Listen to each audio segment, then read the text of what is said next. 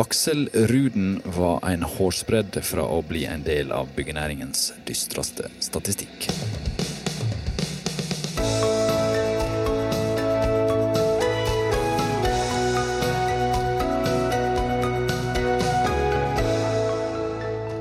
Og velkommen til en ny episode av Byggeindustrien bygg.no sin podkast Byggeplassen. Jeg heter Frode Aga, og i dag eh, har jeg med meg Sindre Sverdrup Strand som programleder her i studio. Hvert år dør gjennomsnittlig åtte mennesker i ulykker i bygg og anlegg. Fallulykker går igjen som noen av de aller farligste ulykkene. Hvordan kan det skje igjen og igjen, år etter år, og hva kan en lære av disse ulykkene? To som vet mer om ta enn de aller fleste, er anleggsleder Aksel Ruden og HMS-sjef Rune Tunhaud i Bundebygg. Velkommen til oss. Takk. Takk. Eh, I januar i år kunne byggeindustrien fortelle historien din, Aksel. Eh, du overlevde et fall på 13 meter på Bundebyggs byggeplass eh, på Meierikvartalet i Lillestrøm. Aller først, kan du fortelle oss litt om hvem du er, og de historie i byggenæringa? Ja, jeg heter Aksel Ruden. Eh, jeg har eh, jobba i byggenæringa i 43 år. Eh, de første 15 åra så jobba jeg som snekker. Var lagbas, og så ble jeg arbeidsleder, og etter hvert anleggsleder. En erfaren type? Ja. 43 års erfaring bør vel kalle det godt. Ja, god erfaring. God erfaring. Og eh, en erfaring som ikke var så god, eh, det kan vi trygt si. Onsdag 6. april i 2022. Det var i utgangspunktet en helt vanlig dag på et stort prosjekt, milliardprosjekt, Meierikvartalet i Lillestrøm. Hva husker du fra den dagen? Ja, jeg husker egentlig ganske lite. Jeg er litt redd for hva jeg sjøl husker, og hva jeg har blitt fortalt, og, og, hva jeg tenker at det må ha vært sånn som skjedde. Men jeg husker i hvert fall at jeg gikk en tur på, ute på byggeplassen før ulykka. Og så ser jeg på bilder på min telefon at jeg har tatt en del bilder den dagen. Fra forskjellige plasser på byggplassen Så har jeg tatt sikkert 10, kanskje 12-14 bilder.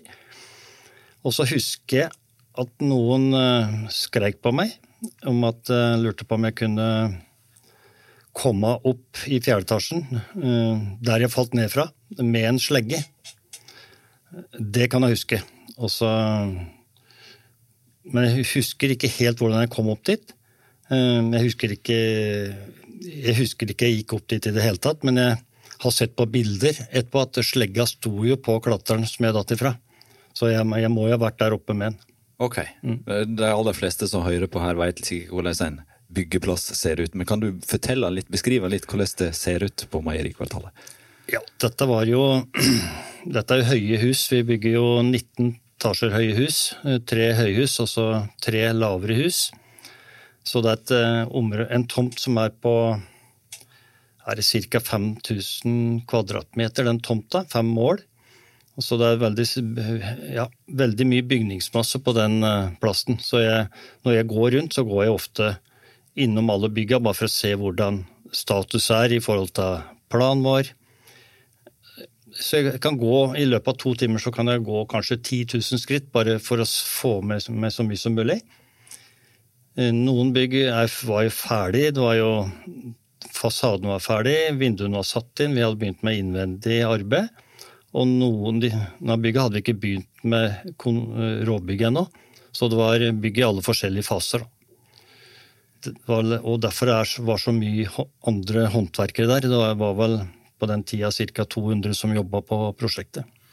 Uh, uh, åstedsbildene fra politiet viser en, en gipskant som er knekt.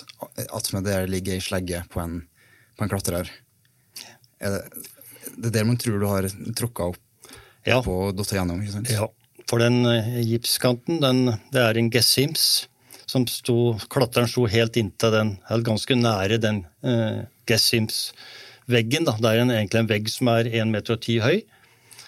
Og hvordan jeg har kommet Jeg må på en eller annen måte ha kommet opp på den for å satt slegga der som en logg.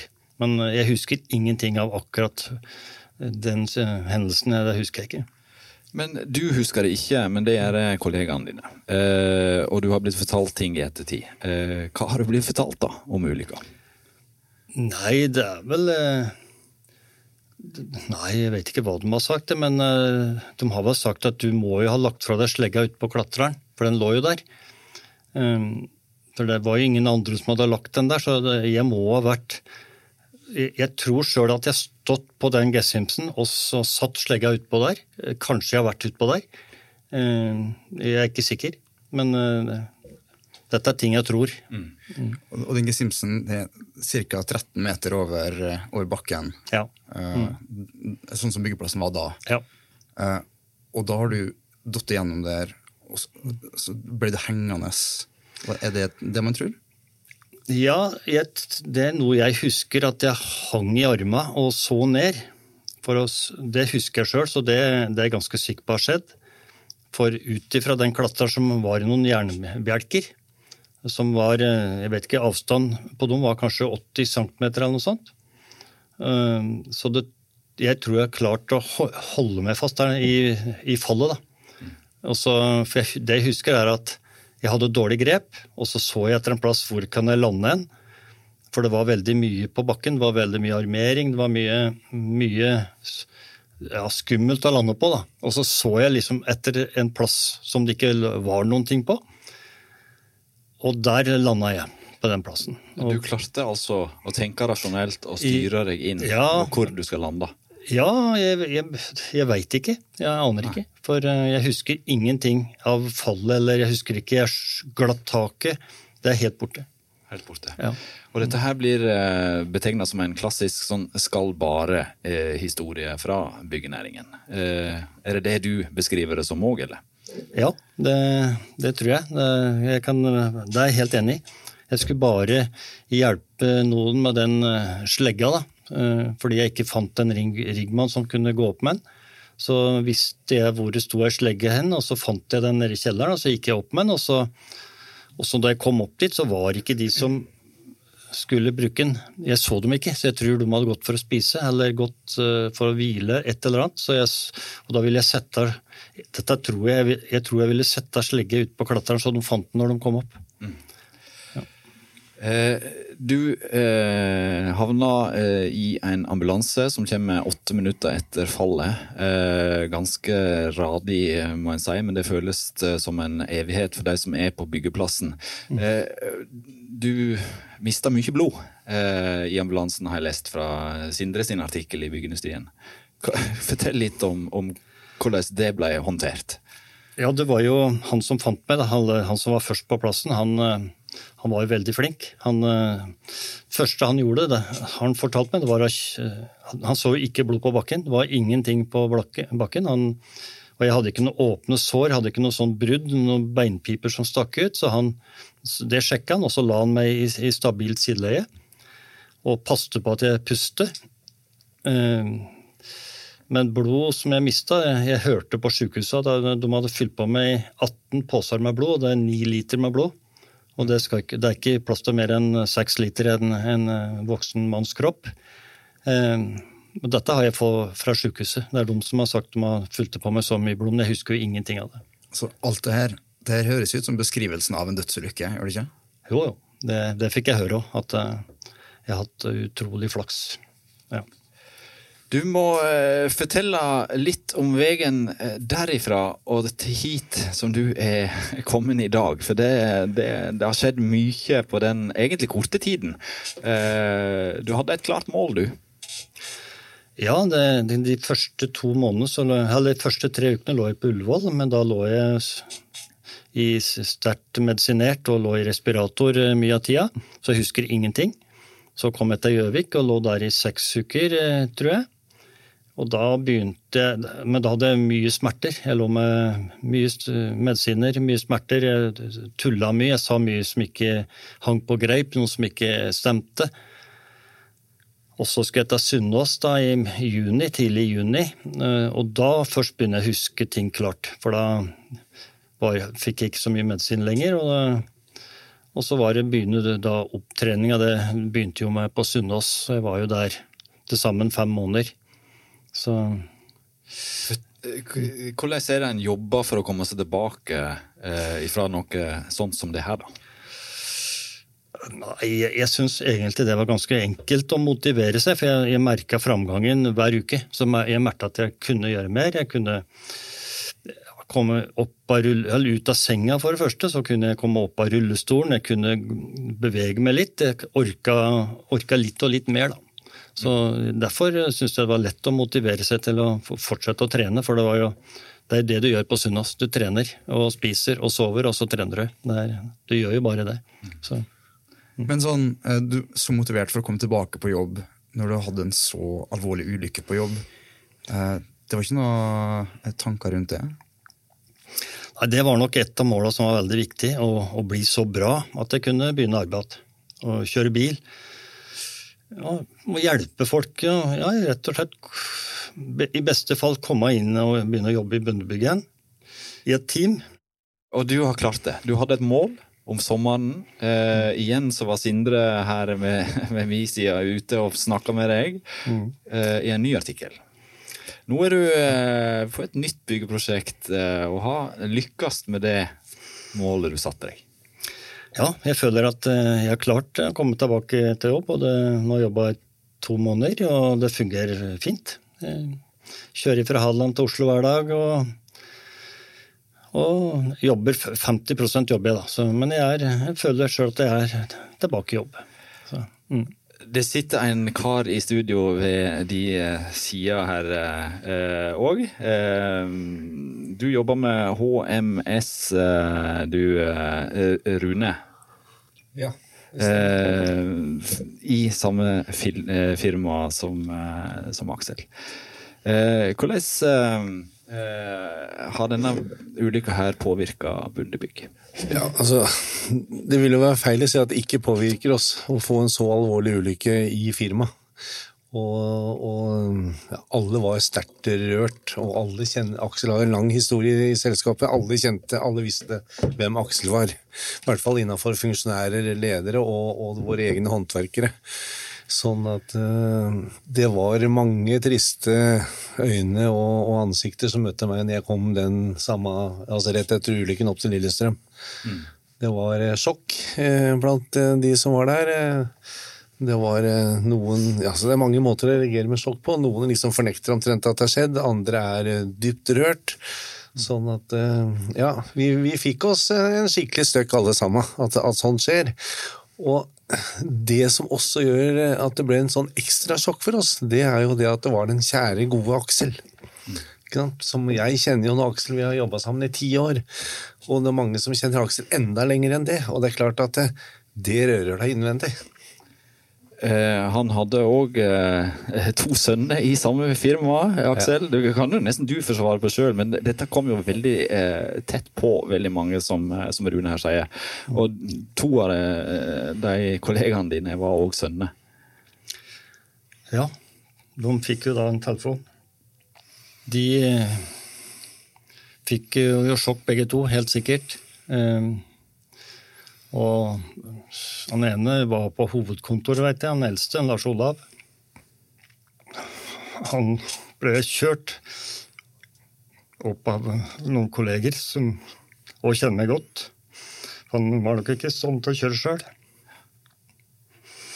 Han yngste, han Ørjan, han snudde på byveggen og kjørte tilbake igjen. Og kom inn til Ullevål.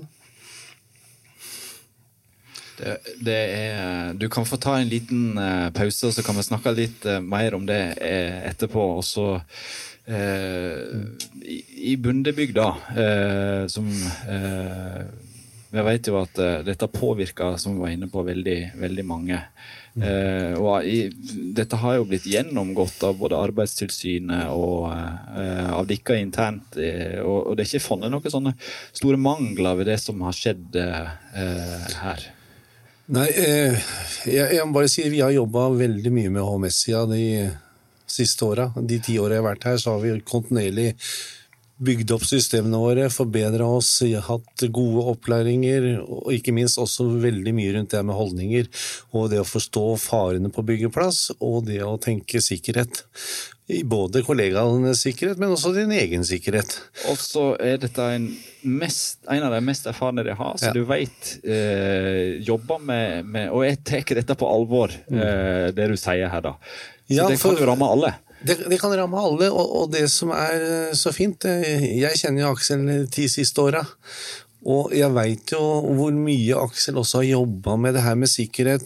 Prøvd å lære opp de nye folka han har fått. Når vi da har fått unge ledere inn, og det hadde vi også på plassen her, så har jo Aksel tatt dem liksom inn under folden og passa på, gitt dem god opplæring, støtta dem, gitt dem gode råd. Nettopp for at man ikke skal havne i en ulykke. Og så er det dessverre han sjøl som da havner inn. Og så har du fortalt historien som Høyre er vanskelig for deg, eh, men du har fortalt den til oss og flere andre medier.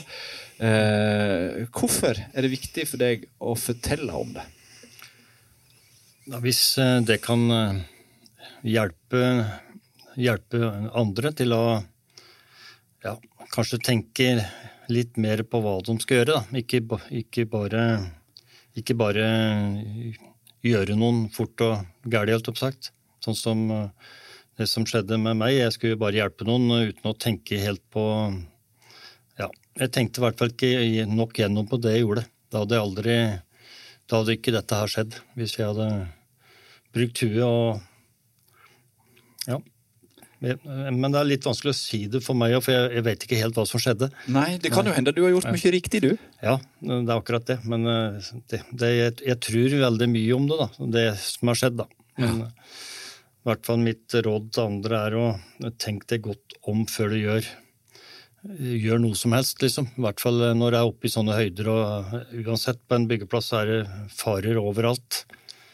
Og så har det etter omstendighetene eh, i hvert fall gått eh, eh, veldig bra. Eh, og eh, bruker de erfaringene nå fra Aksel internt hos dere? Ja, det, det gjør vi jo. Eh, Det første vi eh, gjorde jo den eh, kvelden, det var jo blant annet også å koble på Lillestrøm kommune sitt kriseteam. Og det hadde veldig god effekt. Og det var en veldig stor lærdom for oss, for det er første gang vi har gjort. Eh, faktisk også bruker da spesialistene rett rundt oss som kommunen stiller med. Eh, de gikk da inn, hjalp da de som hadde vært nær ulykken. Eh, Og i tillegg så fikk vi da de nødvendige timene vi trengte for å kunne koble på vår egen bedriftshelsetjeneste med deres spesialister. Og da fikk vi en veldig god overlapping mellom det nærmiljøet faktisk kunne hjelpe oss med, og det vi sjøl hadde i kontrakt med, med bedriftshelsetjenesten, som da kunne følge opp over tid. Og, og det var jo det var faktisk medarbeidere her som hadde vært så nærme, blant annet de som satt omtrent eh, ja, sammen med Aksel fram til ambulansen kom, som trengte også god hjelp etterpå. Og, og, og det føler vi at vi, vi har klart å gi dem. Så ja, det er kanskje det viktigste vi lærte. Den, den store betydninga det har også å følge opp enkeltpersonene. Ikke bare akkurat han som har dette og er skada, men faktisk rundt. Samme dere spurte om sønnene til eh, Aksel. Ja, de fikk jo frie tøyler i firmaet. Bruk tida sammen med pappa. Ikke sant? For at etter, etter byggeindustrien skrev første saken om Aksel, så skrev jo annet Dagbladet at du hadde englevakt. Eh, Men det var jo kollegaene dine på byggeplassen som virkelig trådte mm. og vokta over deg. Ja, det, det, det sa de jo også da jeg kom til Ullevål, da. eh, Etter eh, Ja, jeg husker ikke det, men det sa de jo til min nærmeste familie, at de som tok hånd om meg, var de som redda livet mitt, faktisk. De som tok hånd om meg på byggeplassen. Og, og, og der tror jeg det er viktig å ha med seg det at eh, jo, det er noen altså som er der som livredder. Som er der sammen med deg og sørger for at hjertet slår og pusten går. Men det er så mye mer som skjer på byggeplassen når ulykka skjer. Ambulansene skal finne fram, de skal bli leda raskest mulig til pasienten, du skal holde nysgjerrig unna. Det er klart, mange her, en kjempestor byggeplass med veldig mange som plutselig oppdager det skjer noe Sånn at det, den drillen som også da ledelsen på den byggeplassen hadde, med å kunne sende ut folk til å møte ambulanse, møte politi, alle de her offentlige etatene som da kommer, og få de raskest mulig på plass, rydde veier, sånn at det ikke gikk noe tid tapt, det var også veldig nyttig i den sammenhengen her. Og, og det har vi trent på i årevis, men det her viste jo også da, at det, jo, mye av det vi har tenkt på og trent på, det var faktisk også viktig i den virkelige situasjonen. Og så vet vi at nå i høst så er det ofte Eller høsten er vel en tid der mange kjører seg HMS-ukene sine mm. uh, i byggebransjen. Og, og du, du, var inne på det her nå. Dette har jeg øvd på, og det har sett uh, verdien av det, da, og, og øving. Ja, Vi har jo sånn i Bundebygg at eh, ja, i alle år så har vi kjørt Vi har egentlig to, vi kaller det ikke HMS-uke, men vi har egentlig to HMS-omganger. Vi har en på våren og en på høsten. Hvor vi da konsentrerer veldig mye av den opplæringa, den dokumenterte sikkerhetsopplæringa, utstyrsopplæring, det som forskriftene krever av oss det kjører vi da. Og vi kjører også førstehjelpskurs og sånn, så du kan også hjelpe eh, livredderen. Og vi har også på høsten normalt minst én øvelse per byggeplass. Det kan variere fra hjelpe en som har brekt et bein, få han ut eh, til å møte, møte ambulanse. Det kan være evakuering ved brann osv. Nå i år så skal vi bl.a. trene på hvis du faller utfor en kant og blir hengende i, i sela og tau. Hvordan da berge den personen raskest mulig, sånn at den har sjanse til å overleve. Og du Aksel, du var inne på det i starten av sendingen, at du, har jo lang erfaring. 43 år regna du deg fram til her. Eh, du har sikkert vært med på, på noen HMS-uker og sånn, du òg? Jeg har nok vært på, på ganske mange. Ja, og, I, I hvert fall ja, veldig mange. ja. Mm. Er det noe eh, Jeg regner med at da har du alltid tenkt på deg sjøl som en som skal lære for å hjelpe, og ikke være den som trenger hjelp?